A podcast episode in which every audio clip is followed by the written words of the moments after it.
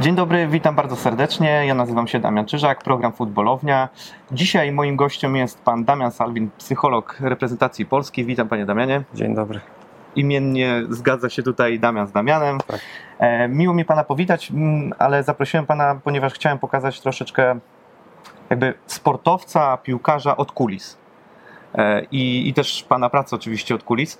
E, Interesowałoby mnie to, ponieważ sportowcy, a zwłaszcza piłkarze, postrzegani są jako osoby, które są młode, są młodzi, wysportowani, zdrowi, mają pieniądze. W zasadzie można powiedzieć, że wszystko się tam zgadza i w zasadzie można powiedzieć, że niczego im nie powinno brakować, ludzie im zazdroszczą takiego sposobu życia. Ale pan zapewne zna z jakimi problemami oni się borykają, więc to mnie najbardziej interesuje. Co, co, co jest jakby problemem w, w sytuacji takich sportowców? No uśmiecham się dlatego, że zawód psychologa jest zawodem zaufania publicznego. Więc oczywiście o szczegółach tej współpracy jakby personalnie ze sportowcami, zawodnikami nie mogę, nie mogę rozmawiać, bo, bo e, po prostu obowiązuje mnie kodeks psychologa. Natomiast no, postaramy się na tyle, na ile to jest możliwe, gdzieś ogólnie gdzieś, gdzieś, gdzieś poopowiadać o tej współpracy e, psychologa ze, ze sportowcem. Generalnie są takie cztery, można powiedzieć, e, moduły pracy psychologa e, sportowego z e, zawodnikiem. Pierwszy to jest interwencja kryzysowa. A interwencja kryzysowa to jest, można powiedzieć, e, sytuacja, kiedy e, najczęściej e, w trakcie okresu startowego, można powiedzieć czasami, czasami w okresie przedstartowym, coś się wydarza. Czy to się wydarza na boisku, czy to się wydarza poza boiskiem, na, na arenie sportowej, czy to się coś wydarza w klubie, e, czy, czy, czy e, w jakimś teamie. No i wtedy można powiedzieć bardzo szybko, w bardzo przy dużym deficycie czasu jest potrzeba, żeby coś, e, coś, coś zrobić. Pamiętam taką sytuację w Zagłębiu Lubin. E, Zespół został zdegra- zdegradowany w aferze e, korupcyjnej e, z ekstraklasy do pierwszej ligi, później przywrócony, później znowu zdegradowany. Myśmy pojechali na zgrupowanie wtedy do, do Wisły i ówczesny trener tego zespołu uznał, że być może wtedy będzie mu też potrzebna osoba taka, która gdzieś pomoże mu w tym wszystkim sobie, sobie poradzić, bo tam wtedy pamiętam w drugim hotelu byli już menadżerowie, którzy wykorzystywali spadek zespołu innego niż sportowy, już podchodzili do zawodników i próbowali gdzieś tam e, podejmować jakieś, jakieś, e, jakieś rozmowy. E, No i tak właściwie nie wiadomo było w jakiej lidze, z jakimi zawodnikami. I moja praca nie dotyczy tylko i wyłącznie e, pracy z zawodnikami jeden na jeden, ale również w organizacjach, e, w zespołach, reprezentacjach czy, czy, czy, czy, czy z innymi e, takimi mm, e, osobami, które, które w tym środowisku sportowym funkcjonują. Czy pamiętam też była taka sytuacja w Hanowerze. E, bramkarz reprezentacji Niemiec Enke popełnia samobójstwo. Klub zatrudnia dwóch psychologów, psychologa klinicznego i psychologa sportowego, ponieważ w klubie nie potrafiono sobie poradzić z tym, że ikona klubu w przededniu wyjazdu na Mistrzostwa Świata, e, mąż, ojciec e, po prostu targnął się na swoje życie. Ja wtedy korzystając z uprzejmości Edwarda Kowalczuka, który był trenerem przygotowania fizycznego, po jakimś czasie pojechałem, żeby też zobaczyć, jak oni sobie z tą sytuacją e, poradzili.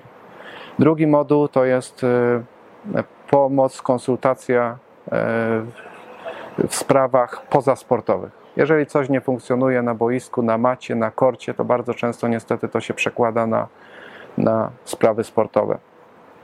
A trudno jest do obcego człowieka iść i nagle opowiadać mu o sprawach rodzinnych, osobistych, y, biznesowych, intymnych.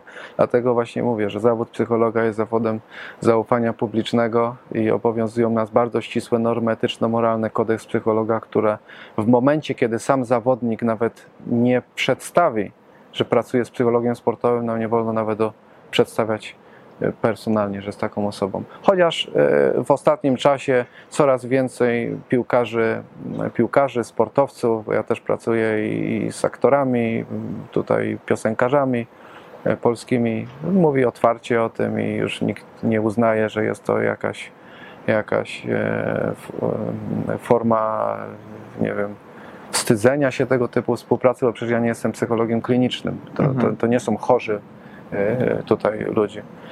Trzeci moduł to jest e, współpraca ze sztabem medycznym, z lekarzami, z fizjoterapeutami e, przy kontuzjach Mhm. zwłaszcza kontuzjach takich bym powiedział długoterminowych.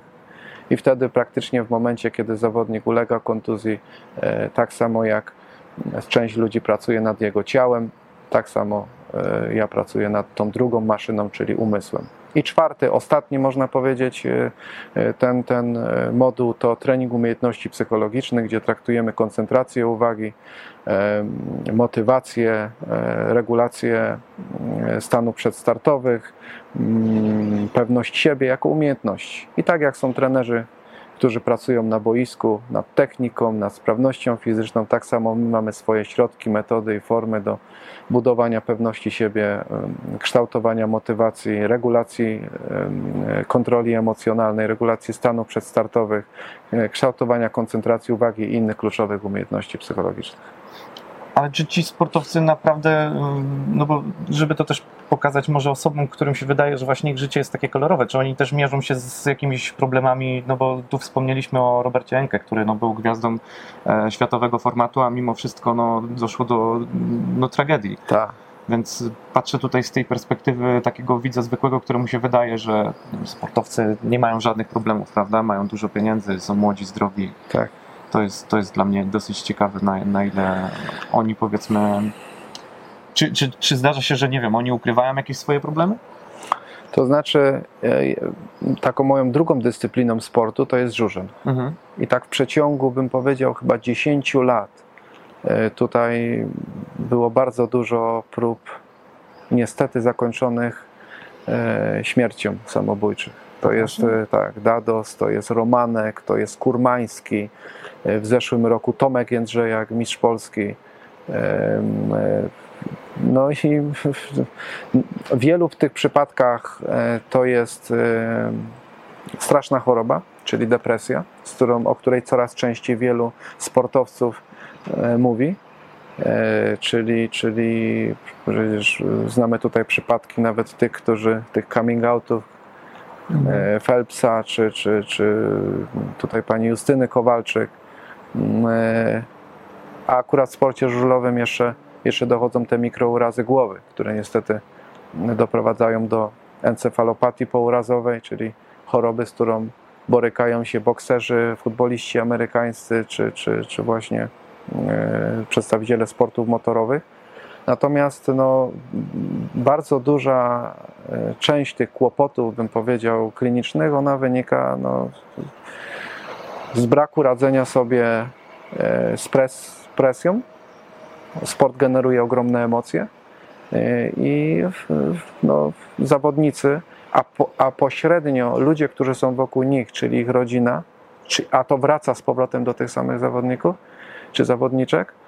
E, Mówię tutaj o, to, o krytyce, o hejcie. Rozwój mediów e, społecznościowych powoduje, że, że bardzo często e, niektóre osoby pod nikami czy z ukrycia mogą, że tak powiem, oceniać, oceniać pracę czy wyniki sportowców. No i po prostu niektórzy sobie nie radzą z tym. No właśnie, bo dzisiaj social media mocno wpływają chyba nawet na sportowców, w ogóle na ludzi, ale na sportowców również. że Oni e, w social media, ogólnie Facebook, Twitter, Instagram to wkroczyło na dobre już do szatni e, sportowców. E, Oni też muszą się mierzyć trochę właśnie z większą presją pod tym kątem, że kiedyś sportowiec, no chociażby jak wypił piwo gdzieś na mieście, to niekoniecznie miał zdjęcie na drugi dzień w gazecie albo w internecie, prawda? A Tak. dzisiaj jest to no, nadmiernie pokazywane, używane. Kibice nie wybaczają.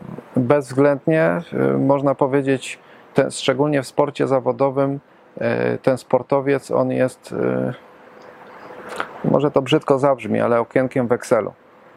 I można powiedzieć, jeżeli tam są odpowiednie liczby, w przypadku piłkarzy asysty, bramki, w przypadku tam innych sportowców punkty, zwycięstwa, no to wtedy wszystko jest w porządku. Natomiast w momencie, kiedy tam tych odpowiednich numerków nie ma, e, no, musi się liczyć po prostu z krytyką i krytyka jest e, elementem, można powiedzieć, e, sportu zawodowego. I I dlatego też ci, którzy nie potrafią sobie z tym radzić, oczekują pomocy od osób wykwalifikowanych, którzy będą po prostu da, dawali im narzędzia, środki, metody do tego, jak sobie z tym radzić. Hmm. Pracuje Pan z kadrowiczami, ale w tej naszej reprezentacji e, no, trzeba przyznać, że są zawodnicy, którzy są też światowego formatu, e, którzy powiedzmy no, mierzą się z ogromną presją e, i, i tak zastanawiam się, czy tacy piłkarze, czy więcej potrzebują na przykład pomocy piłkarze stopu, czy ci, którzy wchodzą do, do reprezentacji? Czy kto, kto na przykład więcej korzysta z pomocy psychologa, bądź też w ogóle e, radzi się? Jak, jak to wygląda? Kto, kto, komu jest to bardziej może potrzebne? Ja bym powiedział, że najwięcej zawodników mam z dwóch takich obszarów. W jednym jeden obszar to jest e, przejścia z juniora do seniora, czy z zawodnika młodzieżowego do tej piłki takiej seniorskiej. E, I tam wyzwania tego sportu zawodowego, gdzie wchodzą ogromne oczekiwania, gdzie wchodzi e, ogromna presja e, związana z, z ligami, w których oni grają, z, z oczekiwaniami prezesów, kibiców, sponsorów. I drugi rodzaj zawodników to są ci, którzy są już bliżej końca i umierają sportowo, bym tak powiedział. Bo zawodnik umiera dwukrotnie, natomiast trener umiera trzykrotnie, bo też prowadzę trenerów e, kadr A czemu narodowych. trener trzykrotnie?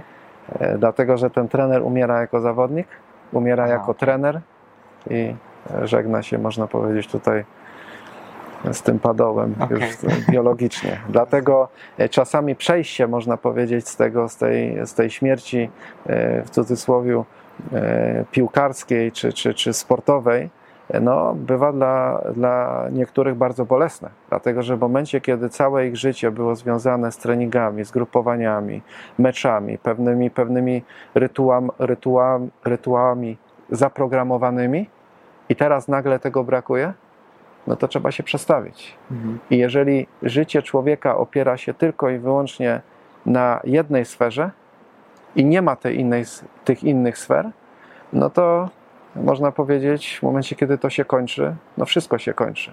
I dlatego w tej chwili, w przypadku tych starszych, można powiedzieć, sportowców, już w trakcie trwania ich kariery są robione tak zwane programy dual career, które przygotowują ich, można powiedzieć, do tego, żeby po zakończeniu kariery sportowej gdzieś mogli wykorzystywać te kompetencje, których nabyli i e, w, w tutaj w tych, w tych po zakończeniu e, kariery sportowej. A Pana rola w kadrze jest taka, że mm, piłkarze korzystają z Pana pomocy doraźnie na zasadzie zgrupowań kadry, czy jest to stała współpraca? Ma Pan, nie wiem, pod telefonem z tymi kadrowiczami, jak to wygląda tak na, na co dzień, jakby to powiedzieć? No bo wiadomo, praca z kadrą nie jest na co dzień, ale jak to Tak. wygląda? Jeżeli chodzi, jeżeli chodzi o, o współpracę, taką można powiedzieć na, na zgrupowaniach, to oczywiście ona nie jest współpracą jakby przymusową. Nie organizujemy również spotkań grupowych ani e, żadnych zespołowych, dlatego że e, w moim modelu pracy z trenerami i pomaga mi tutaj to, że sam byłem, czy jestem nadal, można powiedzieć, trenerem na procesy zespołowe i na procesy grupowe oddziaływuję tylko i wyłącznie przez trenera i przez sztab szkoleniowy, czyli pracuję z trenerem głównym i pracuję z członkami sztabu e, szkoleniowego. A jeżeli chodzi o takie, można powiedzieć, indywidualne konsultacje, one, one czasami mają miejsce w, w pokoju w ramach sesji, a czasami mają miejsce w zwykłych takich sytuacjach zgrupowaniowych, bo ja się mm, przebieram, wchodzę na boisko, jestem na ławce, e, jestem, można powiedzieć, z nimi w rozmaitych sytuacjach, na stołówce, czy, czy, czy, czy gdzieś tam na korytarzach i Tak tam sytuacyjnie, również, tak? Gdzieś tam pod, tak. podchodzą i pytają. tak, i tam z, z rozmawiamy, czasami taka zwykła, zwykła rozmowa komuś wystarczy. Natomiast pomiędzy zgrupowaniami w tej chwili mam grupę 12 zawodników z pierwszej reprezentacji i z reprezentacji też U21, y, z którymi prowadzę stałą współpracę y, raz w tygodniu, dwa razy w tygodniu, raz na dwa tygodnie i dodatkowo przynajmniej raz na pół roku po prostu odwiedzam ich w klubach. E, Wtedy jestem na meczach, rozmawiam z trenerami, prowadzącymi e, chłopaków, dlatego że w reprezentacji mam status trenera, asystenta, psychologa reprezentacji Polski. Jasne, ale mówimy też o tych zawodnikach zagranicznych, tak? Tak. Te, też, też odwiedza Pan tych zawodników.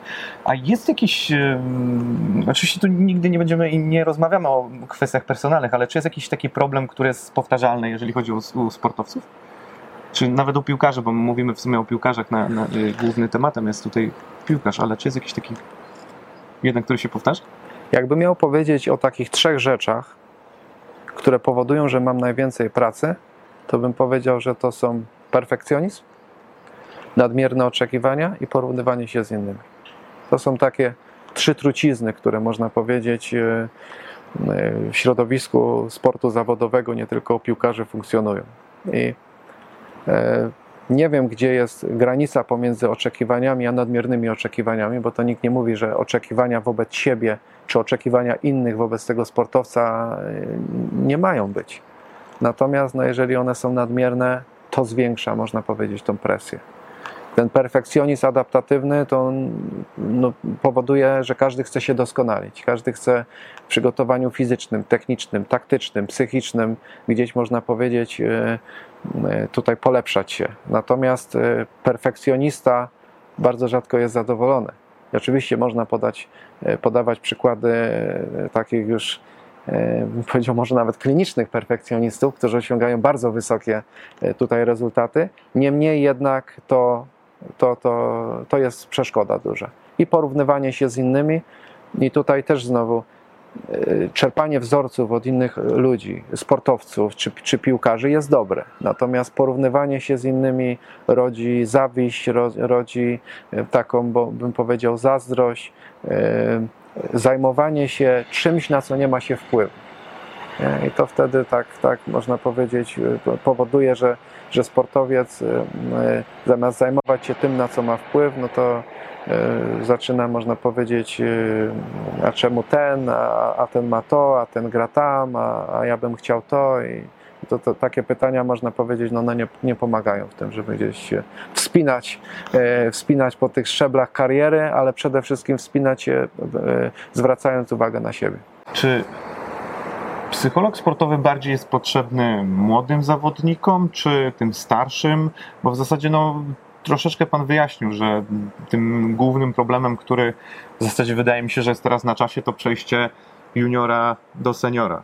I to jest takie chyba wyzwanie, z którym, z którym teraz będzie Pan się pewnie coraz częściej mierzył. I, i tak się zastanawiam właśnie, czy, czy, czy częściej korzystają właśnie ci młodzi z pomocy, czy oni się jeszcze wstydzą, czy ci starsi, bo i jedni i drudzy mi się wydaje, że mogą mieć jakieś opory przed korzystaniem tutaj z takiej porad, usług. Znaczy z moich doświadczeń to bardzo często ta poczta pantoflowa, można powiedzieć, tutaj działa. Czyli gdzieś tam e, chłopaki ze sobą przebywają, w, czy na zgrupowaniach, czy tam w- klubach, są ze sobą w kontakcie. No i, i ci, którzy już jakby korzystają z tej, czy korzystali już z tej współpracy, jeżeli widzą, że coś nie funkcjonuje w tym przygotowaniu psychologicznym, dlatego że no, no my e, cały czas musimy rozdzielić jakby psychologa klinicznego, który zajmuje Mhm. się jakimiś, e, bym powiedział, chorobami tej maszyny, która się zwie umysłem, bo ja nie jestem psychologiem klinicznym i w przypadku, kiedy są, nie wiem, jest depresja, są jakieś fobie, czy nerwice, czy, czy no to ja muszę wtedy to do specjalistów przekazać, a to jest e, tak jak przygotowanie, e, bym powiedział, techniczne, taktyczne, tak coraz bardziej to przygotowanie psychologiczne jest ważne. Jeżeli gdzieś tam ci starsi zawodnicy widzą, że coś nie funkcjonuje, no to bardzo często oni, można powiedzieć, nawet sami mówią: Słuchaj, ja z takim e, gościem po prostu pracuję, czy, czy, czy, czy pracowałem. E, Spróbuj, bo, bo widzę, że tam coś po prostu no, nie funkcjonuje. Czy z, czy z odbudowywaniem pewności siebie, czy z radzeniem sobie ze stresem, czy z koncentracją uwagi, czy z motywacją.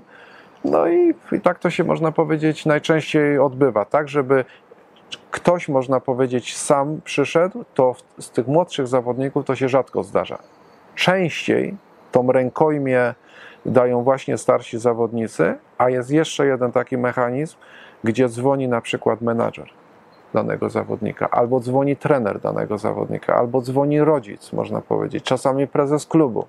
z, zapytaniem, bo też jeszcze nie do końca ta psychologia sportu jest tak rozpowszechniona, żeby ludzie wiedzieli, o co tam można powiedzieć w tym chodzi. I wtedy jest, szczerze powiedziawszy, jak dzwoni druga osoba, to jest trudniej. No ja już, można powiedzieć, z tylu lat pracy, to praktycznie po, po, po paru minutach wiem, czy to y, zadziała, czy to jest, że ktoś po prostu go Aha, przeprowadził na- i ten, na siłę. Tak, no i ten poziom zaangażowania wtedy jest taki, jaki jest i, i tutaj nawet magia tych zawodników, którzy już mówią o tej współpracy, e, no czasami może zadziała, i, a- ale, ale no rzadko, rzadko. To już widać na samym początku, czy ktoś jest zdeterminowany, czy ktoś widzi sens w tym e, i, i, i, i wtedy, wtedy z tego korzysta. Nie wiem, czy pan pamięta taką wypowiedź e, trenera Smudy, e, który powiedział o, Tak. o, o, o tym, że pod, czy psycholog jest potrzebny, że w drużynie nie mamy wariatów właśnie. Tak. Czy pan się jeszcze mierzy w ogóle z takim podejściem, e, jeżeli chodzi o kluby sportowe? No myślę, że, że to świadectwo tej pracy i tych wyników tej pracy psychologa dają sami chłopcy. Fakt taki, że e, pierwszy raz chyba, e, tak mi się wydaje, znaczy jestem pewny tego, że, że psycholog sportowy, e, jeżeli chodzi o reprezentację Polski w piłce nożnej, jest pierwszy raz w sztabie szkoleniowym. Bo w tamtym czasie, o którym Pan wspomina, czyli Mistrzostw Europy, był psycholog również w sztabie reprezentacji, ale on był bezpośrednio przed i na samych, można powiedzieć, mistrzostwach, mistrzostwach Europy. Nie wiem, czy ta wypowiedź trenera Smudy była przed, w trakcie, czy po e, mistrzostwach e, Europy, ale z tego, co tam sobie przypominam, to tam chyba chłopcy sami chcieli, żeby taka osoba po prostu e, była. Natomiast e, to się coraz, coraz częściej, można powiedzieć, e, z- coraz więcej to się zmienia. E, Przed podpisaniem kontraktu tutaj z Polskim Związkiem Piłki Nożnej, e, tutaj Legia Warszawa również złożyła mi propozycję pracy e, dwukrotnie. E, Tutaj się spotkaliśmy i, do współpracy co prawda nie doszło, ale to też pokazuje, że, że gdzieś tam tak potężny e, klub w, polskich realiach zdecydował się na, na włączenie takiej osoby do, do, do sztabu szkoleniowego. E, Coraz więcej psychologów e, współpracuje. W Lechii Gdańsk jest, jest e, taka osoba. Mm, Nie wiem, czy w Rakowie Częstochowa też nie jest specjalista od przygotowania mentalnego, czy trener mentalny, bo to tutaj trener mentalny i psycholog sportowy to jest e, Przeplatają się te role. no coś innego właśnie. Nie? I też nie ma jakby, Aha, okej. nie, nie, nie, bym powiedział tak, psycholog sportowy może być trenerem mentalnym, a trener mentalny nie może być psychologiem. Aha, Dlatego, okej. że to są zupełnie jakby odrębne, odrębne linie uzyskiwania nawet e, kompetencji i, i, i kończonych studiów czy kończonych szkoleń. Nie? W Mhm. przypadku psychologiem e, sportowym może być osoba, która ukończyła jednolite studia magisterskie o kierunku, można powiedzieć, e, psychologia. Natomiast w przypadku trenera mentalnego Można po- kurs pewnie skończyć. nie wiem do, do końca jak to, ale Mhm. chyba coś takiego. Oczywiście ja korzystam z elementów treningu mentalnego, ale one są włączone w szereg środków, z których korzysta psycholog sportowy. Nie? Czyli w moim przypadku to są, to jest y, no, dwa fakultety, bo to są ukończone studia Akademii Wychowania Fizycznego i, i tam y, z, piłki nożnej y, ukończenie trenera drugiej klasy, później ukończenia, ukończenie dyplomu, ukończenie kursu trenera pierwszej klasy, ja mam licencję UFAA również, później studia psychologiczne na Uniwersytecie Adama Mickiewicza, no i dodatkowe, można powiedzieć, też szkolenia, superwizje, bo ja podlegam e, w tej chwili mm, superwizji, dwóch psychologów mnie prowadzi, czyli psycholog chodzi do psychologa. No tak, ale to chyba jest normalne właśnie w tym zawodzie, Tak, prawda? Że, że tak. tak to powinno wyglądać.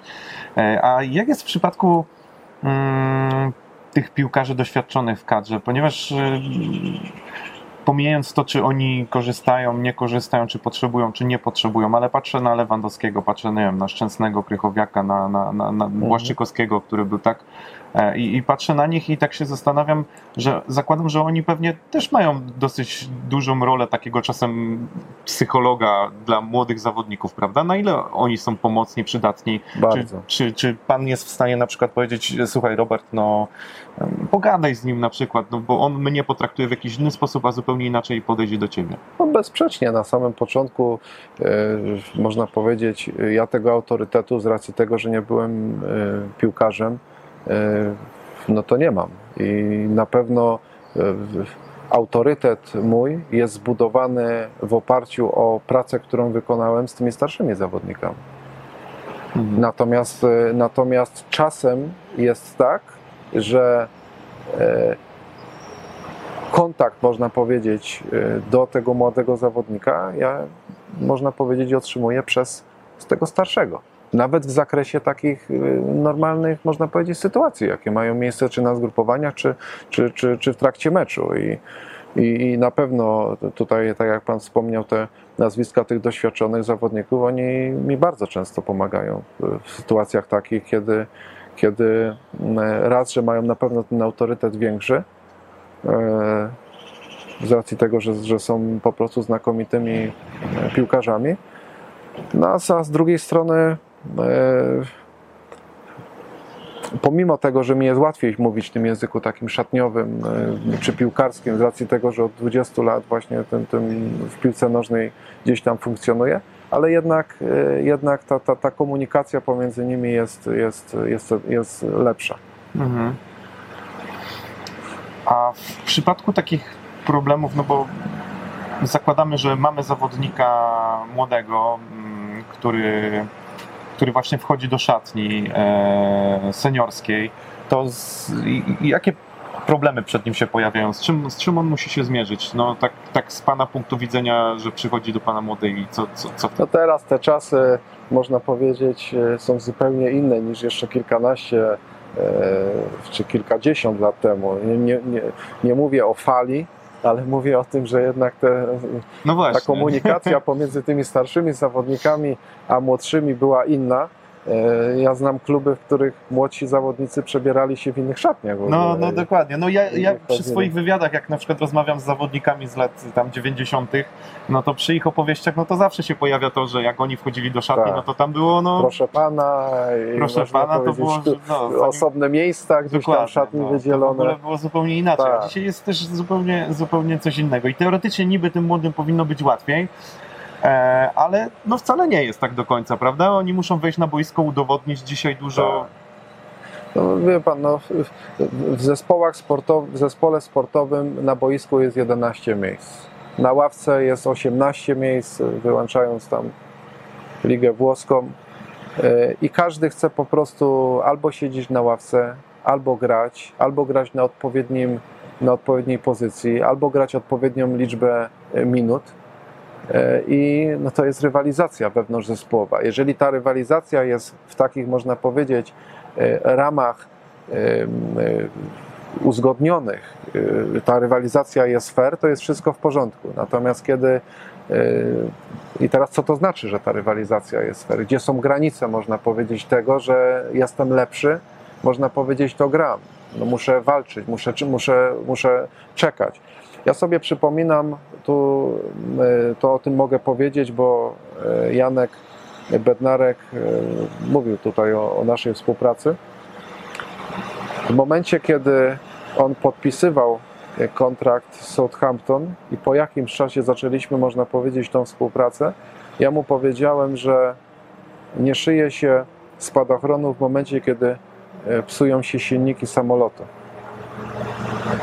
Co to znaczy? To znaczy, że on tą szansę, można powiedzieć, e, prawdopodobnie w najlepszej lidze świata w pewnym momencie otrzyma, bądź też w innym klubie, natomiast musi być do tego przygotowany.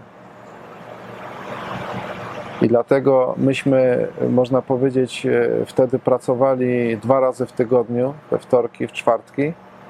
E, I później, kiedy dostaliśmy z żoną zaproszenie na półfinał Pucharu Anglii na Wembley, e, kiedy on grał e, z Chelsea, ja nie miałem e, złudzeń, że on sobie z zawodnikami typu Hazard czy Morata e, po prostu poradzi, dlatego że e, nawiązując do tego, co Pan pytał, nie? czyli tą, tą, tą rywalizację z tymi starszymi zawodnikami, gdzie tam akurat w jego przypadku to byli reprezentanci swoich krajów. E, Yoshida, e, później zakupiony z Borussii Mönchengladbach Westergaard. E, Więc tam nie było łatwo wygrać, można powiedzieć, tą rywalizację. No ale na jego przykładzie, można powiedzieć, e, drugi z zawodników, mo, mogę powiedzieć, że, że, że w momencie, kiedy się ten charakter, bym powiedział, i, i taką odporność psy, psychiczną, e, taką, taką, to jest takie angielskie mental toughness, pokaże, no to są wszelkie predyspozycje do tego, żeby to wygrać. No, drugim takim e, po prostu zawodnikiem, który też, o którym mogę mówić, bo wspominał o naszej współpracy, jest Bartek Drągowski, który przecież we Fiorentinie nie grał e, dwa lata i, i, i gdzieś tam e, zaczęliśmy od pół roku pracować. Ja nie mówię, że to jest tylko zasługa tam przygotowania psychologicznego, bo to, bo to tak nie, nie, nie funkcjonuje. Natomiast no, przez te ostatnie pół roku na wypożyczeniu w Empoli w tak krótkim czasie, można powiedzieć, zyskał status zawodnika, który gdzieś tam, można powiedzieć, był w centrum zainteresowania klubów Premier League. Ostatecznie tutaj pozostał we Fiorentinie, natomiast jego status jest zupełnie inny niż przez te dwa lata wcześniej, właśnie poprzez, e, że tak powiem, kontrolowanie rzeczy, na które może wpływać, czyli przede wszystkim pracą, rywalizacją na treningach, e, skupieniem się na rzeczach właśnie tych około e, boiskowych, czyli, czyli diecie, czyli wypoczynku, e, można powiedzieć suplementacji i tych innych obszarach regeneracji, bo sportowiec zawodowy, nie mówię tylko o piłkarzu, to lu- ludzie mają, mam wrażenie, trochę zaburzony wizerunek tego, jak ci, jak ci, jak ci zawodnicy funkcjonują, bo to nie jest tak, że oni sobie półtorej godziny pójdą i pokopią.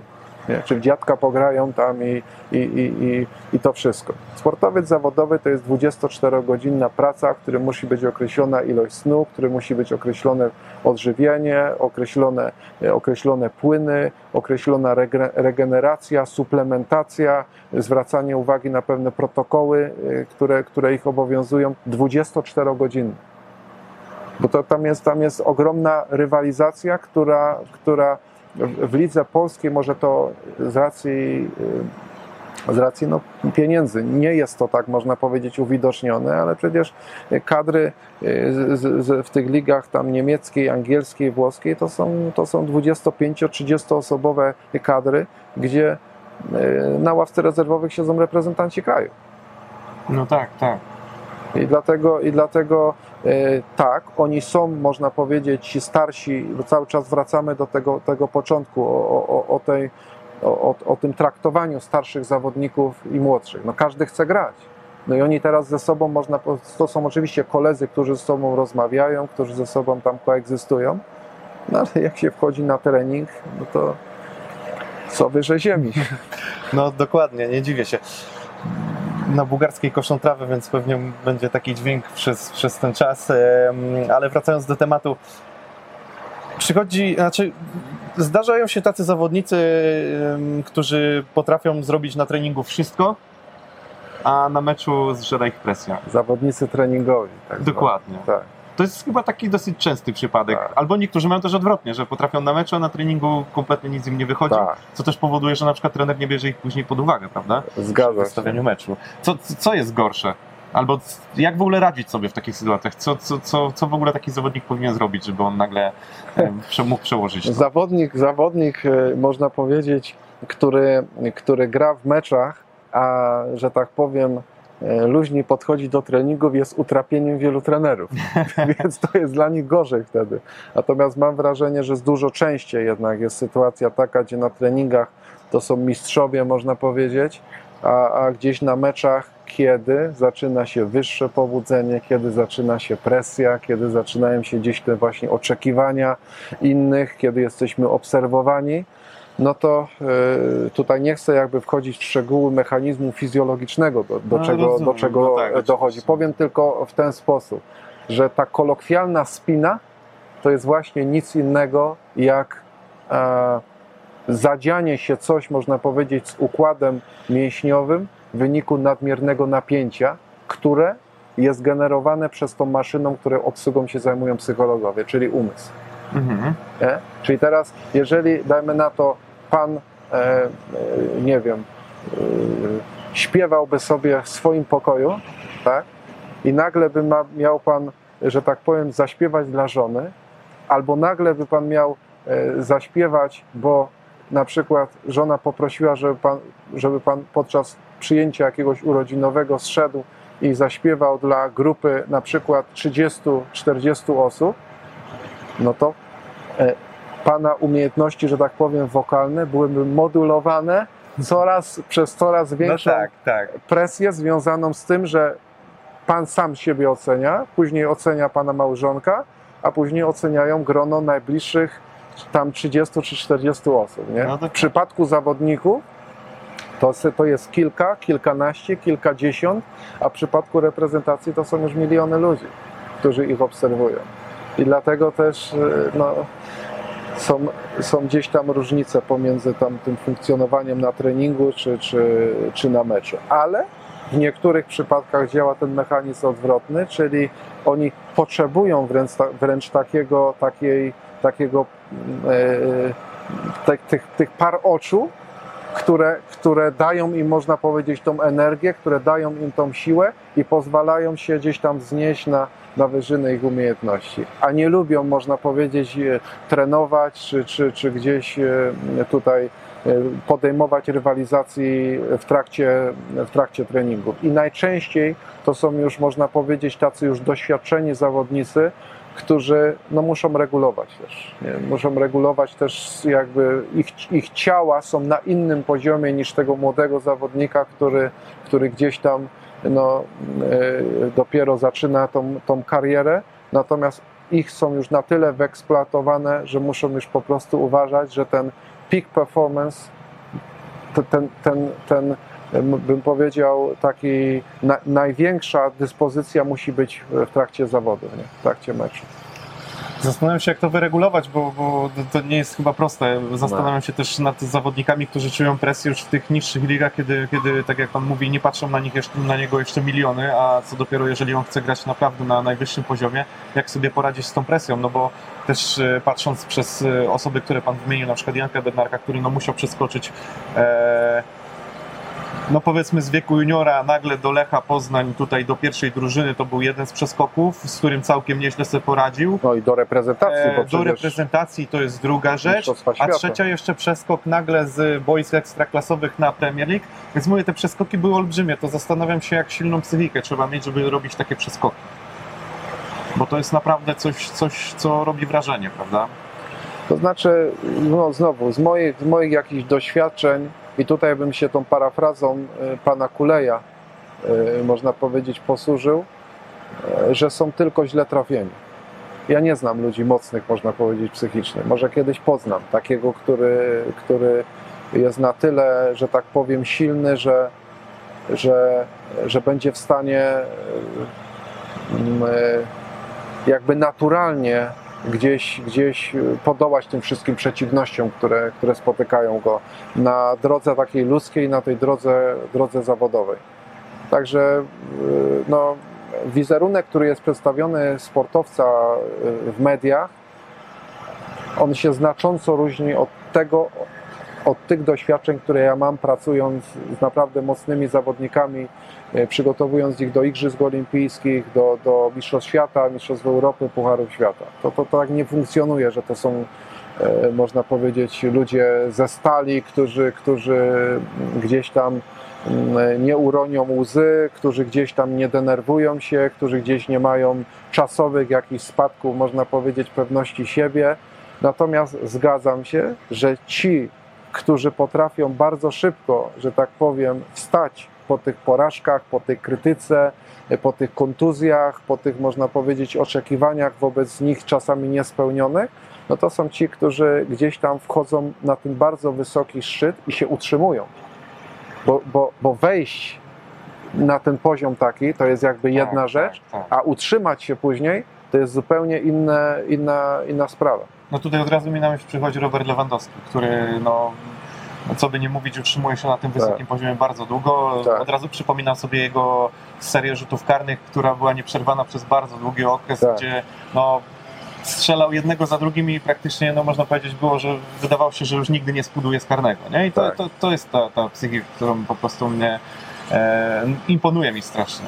Tak, natomiast, natomiast wielcy zawodnicy, jak Pan już wspomina, rzuty, rzuty karne, wielcy polscy zawodnicy, wielcy, można powiedzieć, e, e, zagraniczni zawodniczy, by wspomnieć tak. tylko Platiniego, Zico, Baggio. Baggio, No. można powiedzieć, Van Bastena e, na Mistrzostwach Europy w 1992 roku nie strzelali, Maciej Żurawski, którego, który, który przecież też strzelał karne notorycznie, nie strzelił dwóch karnych. Tomali z Odry Wodzisław i na Mistrzostwach Świata 2002 roku e, w Stanach Zjednoczonych trafił w słupek. Także, także na każdego można powiedzieć przychodzi kreska. Mam nadzieję, że, że w przypadku Roberta e, po prostu ona, ona nie nadejdzie, bo to jest jakby też związane z naszą, można powiedzieć, tutaj, tutaj pracą i życzylibyśmy sobie wszyscy, żeby tych, e, można powiedzieć, efektywnych e, jedenastek wykonywał jak najdłużej, jak najwięcej. No ja też tego oczywiście życzę kadrze i życzę, żeby tutaj Pan mógł doświadczać takich miłych ym, odczuć, emocji, które będą związane z tą kadrą i wszyscy sobie życzymy. Tak na koniec jakby Pan powiedział może jakieś takie krótkie, szybkie, jeżeli w ogóle takie istnieją, da się coś takiego zrobić. No i jest dla młodych zawodników, dla, czy w ogóle dla piłkarzy, dla, dla sportowca, które mógłby wdrożyć od tak sobie, które, które mógłby na przykład proste, nie wiem, ćwiczenia, jakąś poradę, coś, co by mógł wdrożyć i, i sobie powiedzmy zacząć już e, ćwiczyć. Czy jest coś takiego? Bardzo często y, w rozmowach, można powiedzieć, z zawodnikami, y, proszę ich, aby kontrolowali to, co jest możliwe do kontrolowania. Co to znaczy, żeby kontrolowali to, co jest możliwe do kontrolowania?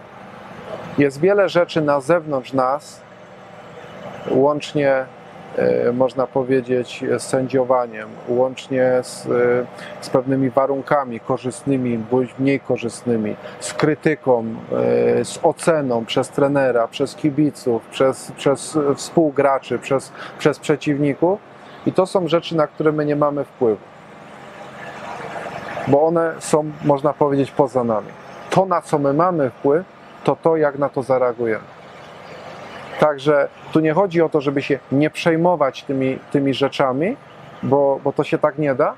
Natomiast mieć, można powiedzieć, świadomość, że, że e, mamy naprawdę potężne możliwości zareagowania w odpowiedni sposób na rzeczy, które nam się, można powiedzieć, nie układają. Jakbym miał powiedzieć, jakbym miał to połączyć to z, z tą kolejną taką radą, to bym powiedział, żeby, żeby bardziej starali się, można powiedzieć, mm, e, być tu i teraz, aniżeli zajmować się rzeczami, które były, na które nie mamy wpływu i które będą, na które też nie mamy wpływu. Bo my przeszłości ani przyszłości kontrolować nie możemy.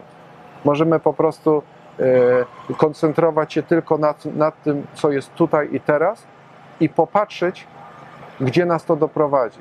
Bo zawodnik może zagrać dwa takie same mecze. Weźmy na przykład e, e, skrajnego pomocnika czy skrzydłowego. Może zagrać dwa takie same mecze. I na tego obrońcę to wystarczy, ale na tego drugiego nie. Co wcale nie znaczy, że on nie może 100% swoich, można powiedzieć, swojego potencjału rozwinąć. Bardzo dziękuję. Dziękuję. Dziękuję, mam nadzieję, że się podobało. Oczywiście zapraszam też do innych wywiadów. Subskrybujcie, lajkujcie, komentujcie i tak dalej. Dziękujemy panu Damianowi. Trzymajcie się. bardzo. Cześć. Do widzenia.